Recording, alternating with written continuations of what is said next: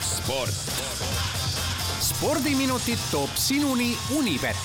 mängijatelt mängijatele. Nonii Kuku on alustamas äh, iga äh, reede hommikusi spordiminuteid. tere hommikust, Ott Järvela. tere hommikust Ott, no ilmselt äh, avateemat ei ole väga raske mm, täna välja valida, kui vaadata kasvõi, ma ei tea, CNN-i või BBC esiuudiseid täna hommikul, siis Brasiilia jalgpallilegendi Pele surm on, on igal pool esiuudis. no nii ta on jah, et mul on telefonis äh, New York Timesi tõuketeatised sisse lülitatud ja, ja see oli piisavalt tähtis sündmus, et eile õhtul laekus selle kohta ka äh, eraldi teade. nii et äh, eks, eks Pele oli ikkagi noh, jalgpallimaailmas vaatamata kõigele, mis, mida kaasaeg pakub, siis tema oli see sümbol number üks ikkagi, mille, mille peale jalgpall armastas toetuda ja kust, kust ennast peegeldada ja kust otsida mingit inspiratsiooni või, või ka siis sellist, või ka siis sellist tagasisidet kuivõrd sinu meelest Pele roll on olnud kaugeltki laiem kui vaid olla lihtsalt, lihtsalt jalgpallimängija? no kindlasti on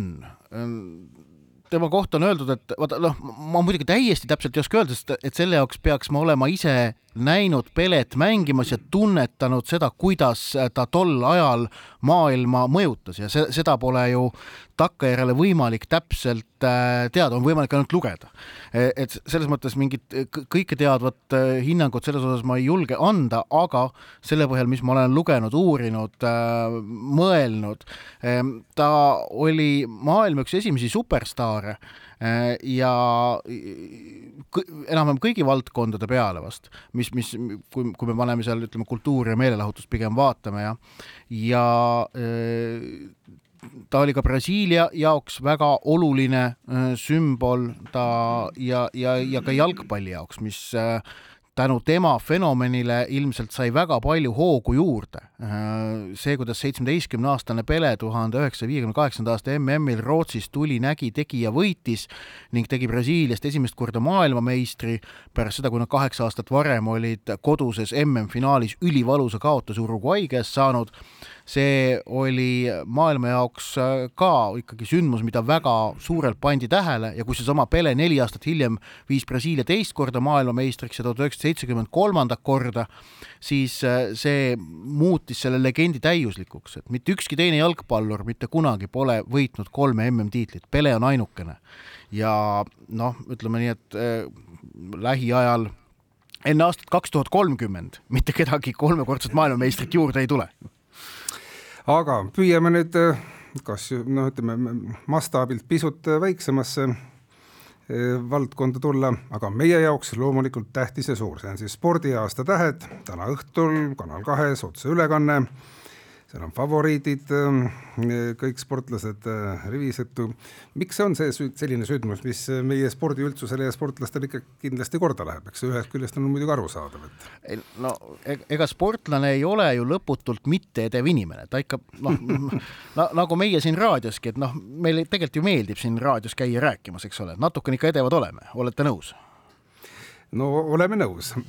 vot, et, sportlasele meeldib ka tunnustus e, ikkagi, ma, ma julgen öelda, et, et ma ei ole väga kohanud sportlast, kellele tunnustus ei meeldiks, kas see nüüd ähm, ja, ja, ja see spordiaasta tähtedel jagatav tunnustus on selles mõttes teistmoodi kui see, mida nad saavad võistlustel. võistlustel äh, võidetakse konkurente, aga või, või võrreldakse ennast konkurentidega, aga spordiaasta tähtede puhul on tegemist ikkagi sellisega kogukondliku äh, auhinna jagamisega, kus äh, pärjatakse oma kaasteelisi või, või neid, kellega koos mingit äh, teed astutakse. Ja ma usun, et see nii-öelda kolleegi preemia, mida spordiaasta tähed mõnes mõttes ju on, kui niimoodi natukene laiendada seda tähendust, siis, siis see on sportlaste jaoks magus ja ja, mis seal salata, ega, ega aastate jooksul on see spordiaasta tähtede auhinnad või siis nende saamata jäämine ka omajagu paksu verd Eesti spordis äh, põhjustanud, on seal noh, turtsumist ja, ja sõitlemist olnud siia-sinna, nii et seda võetakse kirglikult. Ähm, tahaks loota, et, et lõpuks ikkagi ollakse sõbrad, aga noh, alati see vist ei õnnestu. aga favoriidid muidugi on, et, et eks aasta meessportlase osas Janek Õiglane EM-i pronksi ning Martin Liiv olümpiamängude seitsmenda kohaga. Ma usun, väga tasavägine rebimine, noh, naissportluse osas Kelly Silderul on ikkagi olümpiapronks ette näidata ja, ja üldjuhul seni Eestis on olnud nii, et kellel olümpiamedal on ette näidata, et kui kellelgi teisel kirkamat ei ole, siis too selle aasta sportlase tiitliga võidab võistkondade seas ilmselt rallipaar Ott Tänak ja Martin Järveoja, kuigi ka rannavõrkpallurid Kusti Nõlvak, Mart- äh,, Nõlvak Tiisaar on, on seal ju kõrges mängus sees ja, ja Sõudepaat ja noh, treenerite valdkond nagu alati on selline kõige põnevam, et seal on Kelly Sildaru treener Mihkel Ustav, on äh, Kristjan Tšehhi äh,, Sloveenia kettaheitja treener Gerd Kanter ja, ja on ka ju veel teisi äh, häid kandidaate aga kuivõrd hästi sinu arvates on korraldajad valinud selle gala toimumise kuupäeva siia aasta lõppu, kolmekümnes detsember. kas see on siis selline päev, et lähematel päevadel mitte keegi tipptasemel maailmas kuskil ei võistle? täitsa nii see ei ole, aga üldiselt valitseb üpriski suur konsensus Eesti spordis, et see aasta lõpu aeg aastavahetuse jõulude vahel on see, mil on võimalik kõige rohkem Eesti spordirahvast sinna üritusele kokku saada, et ühtegi paremat aega sellest naljalt ei leia, kuigi vahel on tehtud ka uue aasta alguses, seal esimesel nädalal nii et, nii et pigem see on, aga, aga no mõned Eesti sportlased tegid eile tööd jah, et et äh, näiteks Eesti jäähokikoondise kapten Robert Rooba mängis Soome kõrgliigas äh, Jyväskylä Jüpi ridades äh, Pori Ässad meeskonna vastu, võideti viis-null. Maik-Kalev Kotser, Eesti korvpallikoondise liider, oli koduklubi Victoria Baskooniaga väljakul Euroliigas, tehti tuul alla Madridi Realile. no suusahüppajal Arti Aigral eile sama hästi kahjuks ei läinud, et temal nelja hüppemäe turnee avaetapil Oberstdorfis teise ringi pääseda ei õnnestunud no vot ja ega need sportlased ei puhka, et seal esimesel jaanuaril juba siis nelja hüppemäe turnee jätkub, ma saan aru ja see on traditsiooniline, et sul on, eh, kas teil ei ole kunagi kodus olnud seda sõda teleka pärast, et kas esimesel, esimesel jaanuaril mängib Viini uusaasta kontsert või Garmisch-Partenkircheni suusahüppevõistlus? minu lapsepõlv möödus igatahes sellise iga-aastase säärase noh, ikkagi dispuudiga kodus, et kumb no, võistlus on, kumb üritus on tähtsam, noh. ja peale jäi siis kontsert või? Eh, no ütleme nii, et äh, mu veenmisoskused paranesid aastatega ja ma tegin üha enam selgeks kodustele, miks ikkagi Garmisch-Partenkircheni suusahüppe hüppevõistlus esimesel jaanuaril on niivõrd tähtis, aga, aga nelja hüppemäe äh, turneel on, on väga kindel kava ehk et äh, vana aasta lõpus võisteldakse Oberstdorfis, see võistlus oli eile, ja siis on Garmisch-Partenkircheni võistlusel niimoodi, et kolmekümne esimesel detsembril kvalifikatsioon, siis lähevad suusahüppajad varakult magama, magavad aastavahetuse maha, sest esimesel jaanuaril on võistlus ja siis sinna otsa Innsbrucki ja Bischofshofeni etapid, kusjuures järjekord alati täpselt sama, see, et Garmisch-Partenkirchen on aastavahetusel alati täiesti kindel äh, ja see on suusahüppemaailma kõige, kõige vägevam võistlus. Äh, selle nelja hüppemäe äh, kokkuvõttes siis jagatakse, jagatakse auhindu ning seekord esimese etapi võitis siis norralane Halvor Granerud, kes on nüüd ka Unibeti koefitsientide järgi võetuna selge favoriit selle turnee üldvõidule, David Kubatški, poolakas on siis see, keda nähakse, et on võimalik, võimeline talle mingisugust konkurentsi pakkuma, ülejäänud on juba pärast eilset võistlust natukene väiksemate šanssidega ja Ott, kui jõuame veel lõpetuseks tagasi jalgpalli juurde, siis ma ei tea, kas see on minu tutvusringkonna spetsiifika, aga inimesed on kuidagi MM-i äh, järellaines jäänud jalgpalli otsima ja vaatama ja inimesed, kes varem ei ole väga liiga mänge vaadanud, nüüd neid äh, rohkem vaatavad.